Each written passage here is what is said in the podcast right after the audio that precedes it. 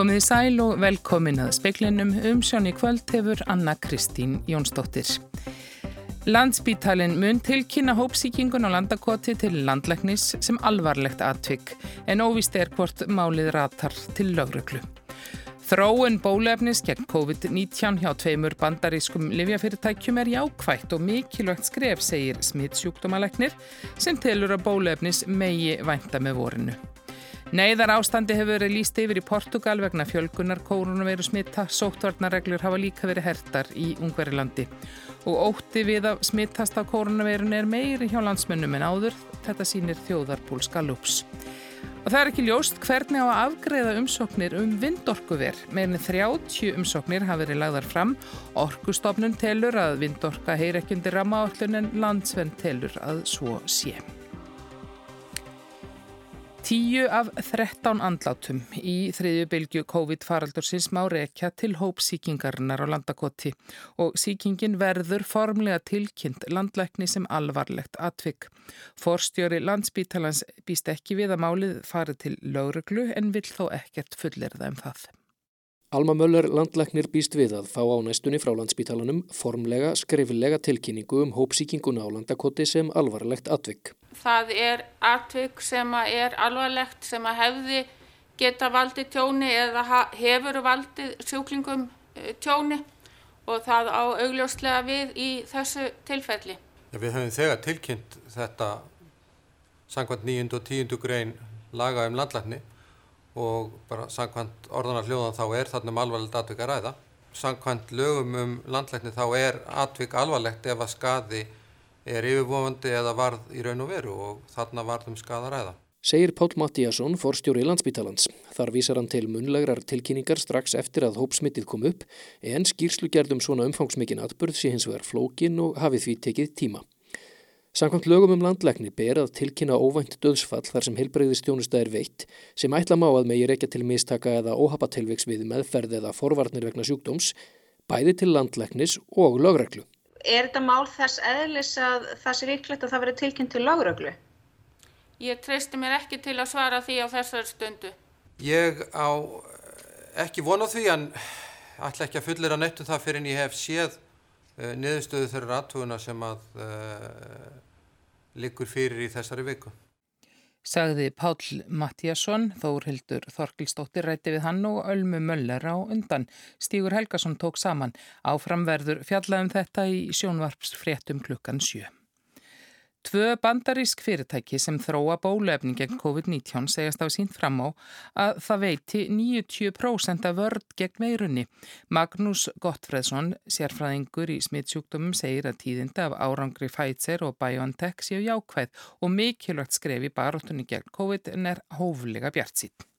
Þó að þetta sé mjög mikilvægt og, og jákvægt skref að þá er afskalega mörgum spurningum ósvarað en þá. Þetta tildækna bóluefnis það um, þarf að geima það við eh, mínus 80 gráður og það skapar ímiskonar vandkvæði í útfæslu bólusetningarinnar. Nú þá líka eftir að afla upplýsinga um uh, langtíma áhrif, langtíma aukaverkanir og síðast en ekki síst að þá þarf að framleiða þetta í fullnægandi magni til þess að það byrjist til uh, heimsbyðurinnar og það mun auðvitað taka talsett langan tíma en þetta er alveg gríðarlega jákvæð tíðindi og mjög mikilvæg og vekja held ég öllum sem hafa staðið þessari baratu mikla björnsýni. En hvenar er bólöfnis að vænta? Ég held að það sé ekki kannski hægt að fullir það nákvæmlega hvernig, hvernig það þróast en ég er björnsýn á að það geti uh, gerst með svona vorinu, getur við sagt, á, á fyrir hluta ársins, uh, næsta árs, 2021. Sagði Magnús Gottfriðsson. Mikið álag er á sjúkrásinu Akureyri. Þar liggja nú sex sjúklingar vegna COVID-19. Bjarni Jónasson, forstjóri sjúkrásins, segir að helgin hafi verið erfið. Auk þryggja nýra innlagna vegna COVID-19 eru tveir á gjörgjastlu vegna bílslis sem varði í Öksnadal á fastu dæn. Ég helgin var mjög þung. Við fáum þetta umfyraslis sem að því það það tekur tölvert af tíma starfsmanna til að sinna því og gjörgjörsudeildin verður í framhaldinu svolítið þung og sama tíma þá fáum um helgina þrjár innlagnir á COVID-smittum í sjúklum þannig að það hefur reynd mikið á starfsfólkið um helgina og gerir svo sem áfram en það var allir staðið sem var einstakri príði. Hvernig sér þið fyrir næstu dag? Ef við horfum bara í kringum okkur hvernig smittin hafa verið að þróast hérna á sveðinu þá sjáum við að ef eitthvað er aðeins síst upp þannig að við gerum ráð fyrir því að næstu dag verði, já, geti verið þungir og erfiðir en við sjáum þá vonandi fram á það að eitthvað að núverandi sjúklingum geti farið útskrifast í vikunni. Sagði Bjarni Jónasson, Óðinn Svan Óðinsson talaði við hann. Einn er smittaður um borði í Norrænu sem kemur til segðisfjörðar í fyrramálið. Smittið greindist við brottfur í Hirtshals í Danmörku. Við komum hefur verið í einangrunum borð og ekki er talið að aðrir hafi verið útsettir fyrir smittið. Skemun og eftirlitum borð í Norrænu og morgun verður því svipuð og í fyrir tilvikum. Reynist smittið nýtt og virt verður maður náfram í einangrun undir reglulegu eftirliti helbriðistarsmanna þar til að næsir. Engin er nú með virt smitt á Östurlandi, segir í tilkynningu laurugl. Átján klukkustunda útgöngu bann verður í Portugal næstu helgar vegna COVID-19 farsóttarinnar. Neiðar ástand er þar í gildi. Stjórnvöldi í Ungverilandi hafa líka hert sótvarnareglur vegna fjölgunar smita. Portugalum verður meinað að fara út fyrir húsins dyr frá 11 á kvöldin til 5 að morgni virka daga. Um helgar verður útgöngubann frá 1 eftir hádegi til 5 að morgni. Þessar reglur ná til 70% af landsmanna þar á meðal í borgunum Lissabon og Porto. Í Ungverjalandi var einnig tilkynntum hertar aðgerðir í dag til að hefta útbreyðslu verunar. Útgöngubann hefst eh, hér eftir klukkan 8 á kvöldin og stendur til 5 á morgnana. Það verður í gildi í eitt mánuð að því er Viktor Orbán forsættis er á þeirra greindi frá í dag. Nefendur í framhaldsskólum og háskólum þurfa að stunda námið heima Veitingahúsum verður lokað og takmarkanir hertar við því að fólk sapnist saman. Þessar hertureglur verða lagðar fyrir ungverska þingið á morgun. Viðbúið er að þær verður samþygtar þar sem flokkur Orbáns er þar með meiri hluta. Tilkynnt varum með 5.162 koronaviru smitt og 55 döðsföll í Ungverilandi í dag. Hátti 2500 hafa dáið þar í landi að völdum COVID-19 frá því að farsóttin gauðs upp. Ásker Tómasson sagði frá. Fleiri landsmenn en áður óttast mikið að smittast af COVID-19 að því að framkemur í nýjum þjóðarpúlsi Gallup. Frá því að faraldurinn barst hinga til lands hafa heilsufars og efnagslegar áhegjur vegna COVID-19 aldrei verið meiri en nú. Kjósendur vinstri grætna óttast mest að smittast og kjósendur miðflokksins eru ólíklegastir til að breyta vennjum sínum í sótvarnaskinni. Samkvæmt nýjum þjóðarpúlsi Gallup sem var gerður á tímabilinu frá 28. oktober til 4. november óttast 44% þjóðarinnar mikið að smitast af COVID-19. Alls segist 21% óttast að lítið. Konur óttast frekar að smitast en karlar. 56% hvenna segist óttast að mikið en aðeins 33% karla. Þá er fólk á aldrinum 18 til 30 hrættast við smitt. Kjósendur vinstri grætna eru líklegastir til að segjast óttast mikið að smitast og kjósendur miðflokksins óttast það síst en það eru þeir lang ólíklegastir til að hafa breytt vennjum sínum mikið í sótvarnaskinni. Efnahæslegar áhyggjur eru mestar meðal fólks á aldrinum 50 til 59 ára og minnstar meðal þeirra sem eru undir 30. Fólk á heimilum þar sem fjölskyldutekjur eru 1,25 miljón króna eða herri hafa meiri áhyggjur af efnahagslegum áhrifum COVID-19 heldur en fólk á heimilum þar sem fjölskyldutekjur eru læri en 400.000 krónur. En fleiri forðast fjölfarna staði og fjölsóta viðburði en í fyrstu bylgi faraldursins eða 88%. Nær þriðjungur vinnur heima að hluta til eða að öllu leiti. Hildur Margret Jóhannsdóttir tók saman. Ekki verður flóið með farþega millir Íslands og Grænlands um ófyrir síða framtíð. Grænlendingar hafa lokað á allt farþegaflug nema frá Danmörku. Grænlendingar vilja verjast vaksandi útbreyslu koronaviru faraldursins og grýpa því til þessa ráð, saði Nels Ólerik Vinter í viðtalvi KNR, grænlenska ríkisútvarpið. Hann sagði að ákvarðun um að all farþegaflug þurfa að fara í gegnum kaupmannahöfn hafi ekkert með Íslands sérstaklega að gera. Þetta gæfa eins færa á að taka eins á málum allara sem koma til landsins. Air Iceland Connect hefur flóið til og frá núk höfustað Grænlands á föstutugum. Talsvert eru um fraktflutninga en farþegar misjaflega margir, segir Ástís Ír Péturstóttir, upplýsingafulltrú Æslandir. Hún segir að reynd verði að fá undan þáu fyrir fraktflug á meðan farþegaflugið er bannað. Hins vegar er stemt að því að fljúa aftur með farþega um leið og leififestil þess. Óljóst er hins vegar hvenar það verður. Brynjólfur Þór Guðmundsson saði frá. Tilkynnt var í dag að Mikael Bunnesen, söngvari dönsku hljómsveitarnar Sjúbidúa, hefði látist í gær. Bunnesen var 71 ás og ljast úr krabbamenni. Mikael Bunnesen stofnaði Sjúbidúa árið 1973 með Mikael Hardinger. Hljómsveitin var strax afar vinsæl í Danmörku fyrir grípandi melodíur og smellna og oft bráðfindna texta. Sjúbidúa starfaði með hlýjum til 2011 en Mikael Bunnesen fekk blóðtappa í heila. Engin önnur hljónsviti að tónlistamæður hefur selgt jafnmargar plötur í Danmörku og Sjúbidúa samkvæmt dönsku Wikipedia. Meðal vinsælistu laga Sjúbidúa má nefna Wuffulivó, Danmark, jólasöngin Den Himmelbló, Sexikani og ekki síst Den Röðu Tróð. Þar sem þeir félagar velta fyrir sér hvað tekur við af lífinu loknu, hvað gerist þegar maður skal á brott. Að einhverju hlítum aðra verða syngur Mikael Búnesen Upptakan er frá Rock for Africa tónleikunum á Ídreitsparkin í Köpmanöfn 1985. Og hvað mun það sker når man skal bort Når livets skjorte bliver for kort Hvor mun den er, den røde tråd Man må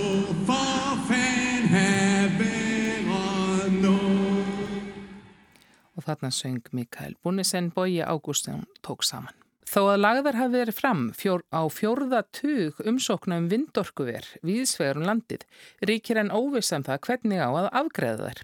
Orkustofnun leggst gegn því að vindorkuver heyri undir lögum rammaállun en landvenn til dæmis telur að svo ætti að vera.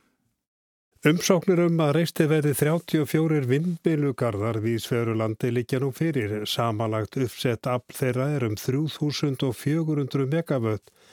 Ef allt þetta gengur eftir, gætu vindmilur orðinari 800 talsins. Það fer reyndar eftir stærð þeirra og gerð. Þessum að geta samanlagt afl allra raforkuvirkjana á Íslandi, vassaflsvirkjana og jarðvarmavirkjana er ösklega 2700 megavött. Uppsett afli segir ekki alla söguna því framlegslu geta vindmila er talsveit minni en vass og jarðvarma virkjana. Umsóknar hafa verið sendar orkustofnun og munað óbreyttu lenda á borði verkefnarstjórnar fjörða áfanga rammáætlunar. En hvers vegna er þessi miklu áhugi á að virkja vindorkuna? Guðni A. Jóhannesson, orkumálastjóri, segir að hann skýrist að hluta því að menn telli að vindorkan geti verið hagkvæmur kostur. Hins vegar að þá held ég að sko, þessi miklu áhugi sé nú kannski vegna þess að menn sjá fram á mjög þunga stjórnsýslu í kringu vindorkur ef hún á að fara í gegnum rammaállun og rammaállun sem sagt eh, eh, afgræslu tími í rammaállun verður með þeim hætti sem hefur verið að þá er auðvitað eðlilegt að menn hugsi til mjög langara framtíðar þess vegna held ég að kostinni séu svona margir ég held í raun og veru að ef að þetta hefði bara verið uh, falið skipla sig auðveldum að sjá um þetta þá væru kannski við að sjá miklu færri vindorku kosti sem að uh, væru sagt, í burðalinnum. Það er nefnilega ágreiningur um hvernig að afgreða vindorkuna í kerfinum. Þarf vindorka að lúta sömu reglum og skilirðum og vassork og jarvarma eru sett í ramma áætlunum eða nægir að afgreða hana sem vennjulegan atvinnuregstur. Í nokkuð langan tíma hefur verið reynd að svara þessu. Nemndir hafa verið að störfum en niðurstaðan liggur enn ekki fyrir. Nemndið þryggja ráðuneyta undir forræði umhverfisráðurann hefur verið að störfum í nokkuð langan tíma. Verkefni hennar var að vinna tillur og lagabreitingar um leifisveitingar og málsmeðferð vegna vindorkum kann átti hvort hægt væri að einfald og flýta málsmeðferðinni með hliðsjón af sérstöðu vindorkunar, nefndir átt að svara þeirri grundvallar spurningu hvort vindorka ætti að fallundu lögum rammáallun og ef svo þá með hvaða hætti. Hún átti einni að svara spurningunni hvort aðferðafræði rammáallunar hentaði hefbunum með virkjanakostum vindorkum. Með frumvarpunni er á ætlunin að aðlaga lögin betur að sérstuðu vindorkunar sem tildulega nýjum orkukosti hérlendis. Langur afgreiðstu tími áfanga rammaáallunar hefur verið gaggrindur. Þriði áfangi hennar sem var tilbúin 2016 hefur ekki enn verið afgreitur á alþingi. Hann hefur þó tvísvarsinu verið lagðuð fram og það er tekist á um að hvort vindorkan eigi heima á borði verkefnis stjórnar rammaáallunar. Landverð telur til dæmis að svo er að vera en orkustofnun leggst beinlinis gegn því. Já, það var í raun og veru lögfræðilegt álit, lögfræðings orkustofnar á sínu tíma að, að þetta ætti ekki heima í rammaállun og færiði nokkur rauk fyrir því. Nú, umhverfisráð þeirra létt gera sem sagt annað álit hjá lögfræðistofu og sem að komst að annari niðurstöðu, þetta ætti heima í rammaállun og uh, í ljósi þessar réttar óvissu sem við töldum að þá ríkti þá, þá höfum við sagt, verið að afgreiða í raun og veru fyrir þá sem vilja uh, vindorku verð til rammaáallunar og viljum svo sem ekki standa í vegi fyrir því að menn geti fengið afgreiðslu þar en, en hitt er annar mál að það er auðlust að þetta er að verða gríðalitt flækjustig og sagt, að menn sjá fram á mjög þunga og, og uh, langtíma stjórnsýslu á þennu fyrir að leysast úr þeirra málum. Umsóknurum með vindorkuna fara á borðu verkefni stjórnar ramáallunar og það á eftir að komi ljós hvað lagt verið til um málsmeðferð í bóðu frumvarfi umhverjisáðura. En hvernig vill orkustofnun að vindorkan verði afgreitt? Já, ég tel svona eðlulegast að, að þessu sé hátta þannig að, að það sé einfallega bara skipur og séuvöld sem fjallið um vindorku verið eins og aðra framkvæmdir í þeirra sveitafélagi vegna þess að þetta er auðvitað býr við sömu lögmál og óteisturnar og, og, og annað sem að, að menn vilja byggja. Þannig að, að það er auðvitað það er auðvitað svona, svo koma auðvitað önnur sjóna með inn að það væri gott að hafa einhvers konar landskipulag sko þannig að til dæmis að á, á landi ríkisins eða einhver staðar að þá séu kannski fritt tekin frá svæði sem þykja henda sérstaklega og bóðin út til þeirra sem að vilja nýta þau. Þannig að það eru ýmsar aðferði til að nálgast þetta en ég held að, að það sé betra að nálgast þetta þannig að, að reyna að velja svæði og hafa þau til reyðu hvort sem að það er gert á forræði sveitarfélaga eða einhvers annars skipularsýðuvalds heldur en að einstaklingar sé að koma með alls konar hugmyndir vegna þess að það er hægt að finna vindorku verum stað nokkur neginn hvar sem er á Íslandi eins og orkukostir í eh, jarðhita og í vassafli þeir eru bundnir við ákveðna staði þar sem ofte eru sérstök náttúruverðmæti og svo framvegis. Og það sem flækir málið eins og áður sagði er að enn hefur þriðji áfangi rammáallunar ekki verið afgreitur Uppsett afle virkjana í nýtingaflokki í þessum áfanga er um 1400 megavött. Í þriðja áfanganum er eitt vindorkuver í nýtingarflokki, blöndulundur sem landsvirkjun hegst reysa og uppsett afl er 100 megavött. Arna Páll Högson saði frá og talaði við Guðina A. Jóhannesson.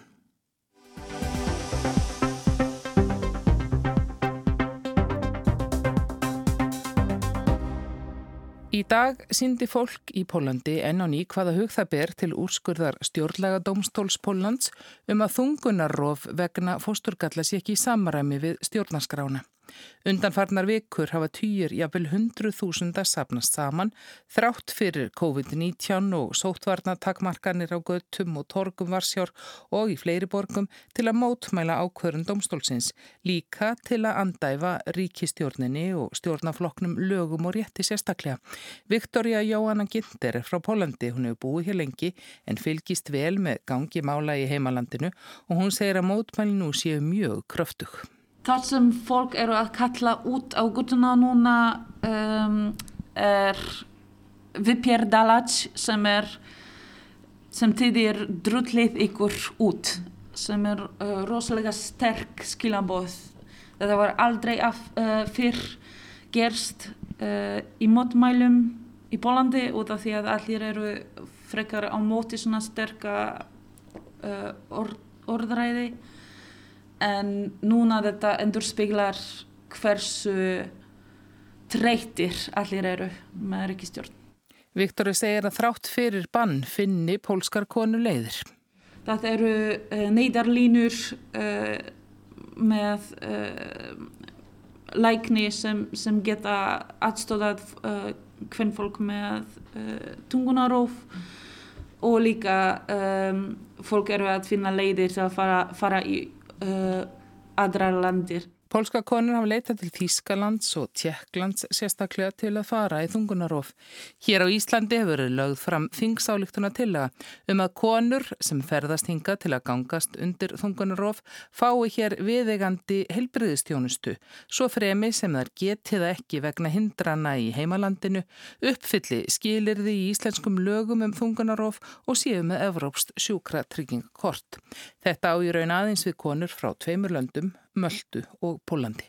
Ég er rosalega tákláð fyrir þetta framburð uh, út af því að við pólskar konur erum ekki bara að berjast fyrir okkur sjálfart, þetta er uh, bara þetta okkar öll konum í heimi og þetta er rosalega gott að vita að við erum ekki eina og íslenska konur eru með okkar bakið þegar það kemur til.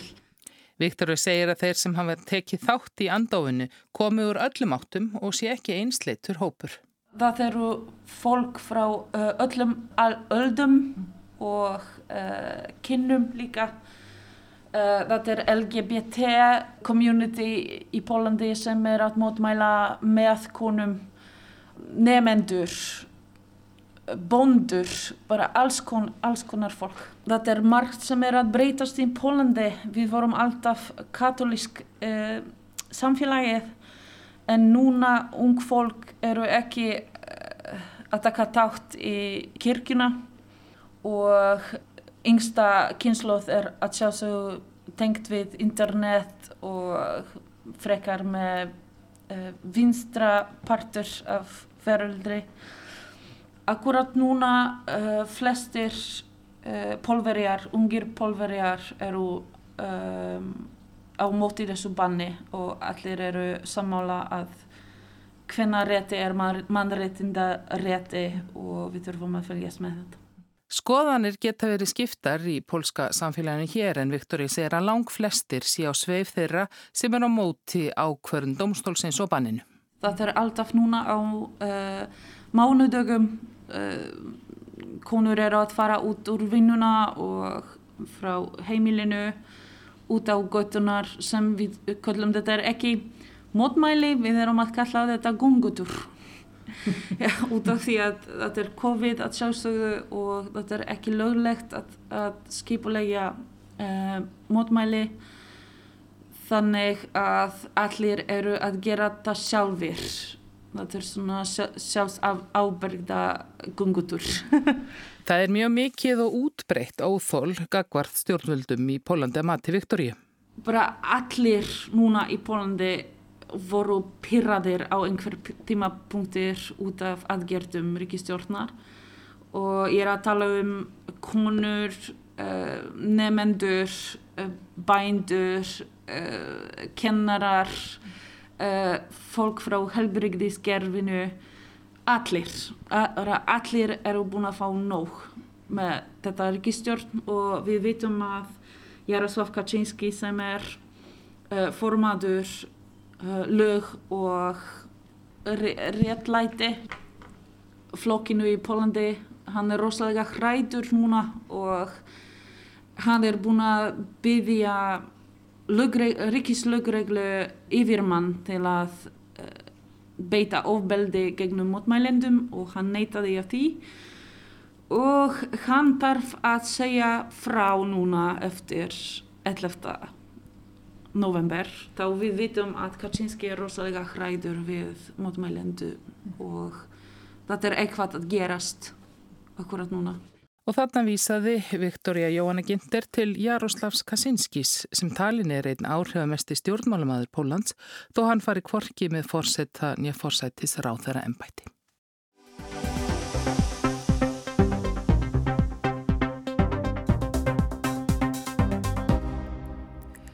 Norska ríkistjórnin er hætt frekari stuðningi við flugfélagið Norwegian. Við þessi tíðindi urðu hlutabref í félaginu næri verðlaus og það færðist nær gjaldþrótti. Hrun hefur orðið í starfsemi Norvítsjön eftir að heimsfaraldurinn vegna kórunuveirunar skall á. Gísli Kristjánsson. Áhættan sem ríkisvaldi tekur með því að hefja stuðning við fyrirtæki vanda er að engin endi verð á stuðningnum. Stöðugt þurfi meiri og meiri pening til að halda fyrirtækin á floti. Og nú kom að því að norska ríkistjórnin var það ákveða hvort bætt yrði við þá þrjá miljardar norskra króna sem flugfélagi Norvítsjan fekk í vor úr ríkisjóði. Ósk félagsins um ótilgreitan fjölda miljardar til viðbótar svaraði Íselin Nýbö viðskiptar á þeirra svo í morgun. Vi har eh, gjort en vurdering av hvordan vi skal bruke fellesskapets midler, og kom til at vi ikke ønsker å gå inn i Norwegian, men heller støtte luftfarten generelt. Við höfum komist að niðurstuðum hvernig fjármunum samfélagsins skuli varið og ákveðið að stiði ekki Norwegian frekar, saði ráðurann og þessu lísti Jakob Skram, forstjóri Norwegian, sem hefa höggi í magan. Hann sagði á bladamannafundi í morgun að félagið hefði skýra áætlun um hvernig lifa mætti af til ásins 2022 en peningar fór ríkinu voru inn í þeirri áætlun.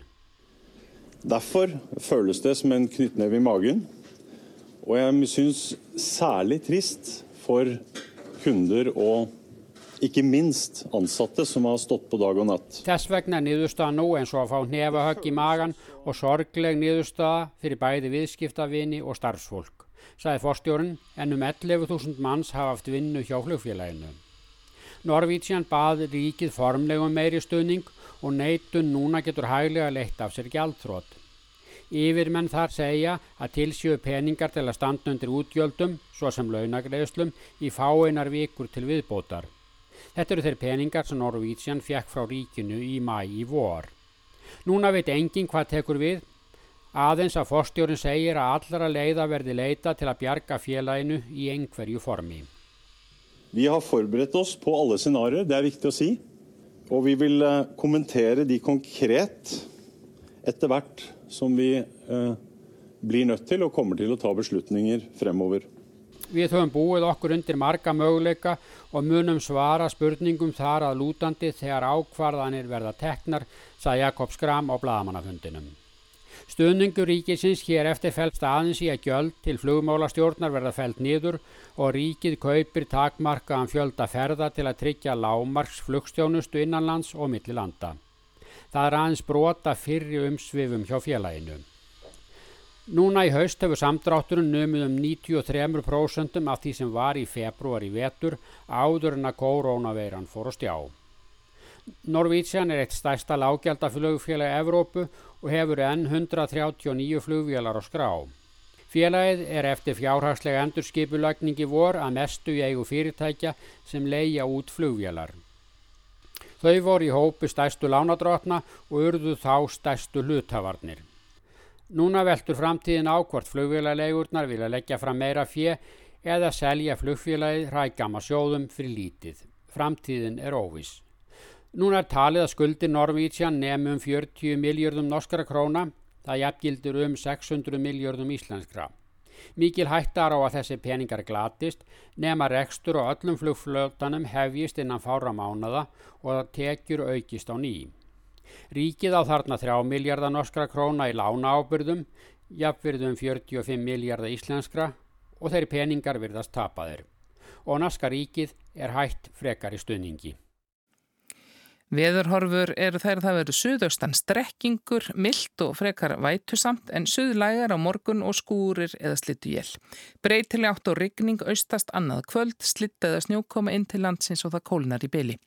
Það var helst í speklinum að landsbítalinn mun tilkynna hópsíkingun á landakoti til landlækni sem alvarlegt atvik. Óvist er hvort málið ratar á borðuleguruglu. Þróun bólefnis gegn COVID-19 hjá tveimur livjafyrirtækjum, bandarísku og þýsku er jákvægt og mikilvægt skref, segir smittsjúkdómaleknir sem telur þó bólefnis með ekki vænta fyrir en með vorinu. Mishermt var fyrir fréttanum að livjafyrirtækinu væru bæði bandarísk og beðist velverðingar á því. Neiðar ástandi hefur líst yfir í Portugal vegna fjölgunar kórunveru smitta og sótvarnarreglur hafa líka verið hertar í Ungverilandi. Fleira er ekki í speklinum, tæknimaður í útsendingu var Magnús Þorstein Magnússon veriði sæl.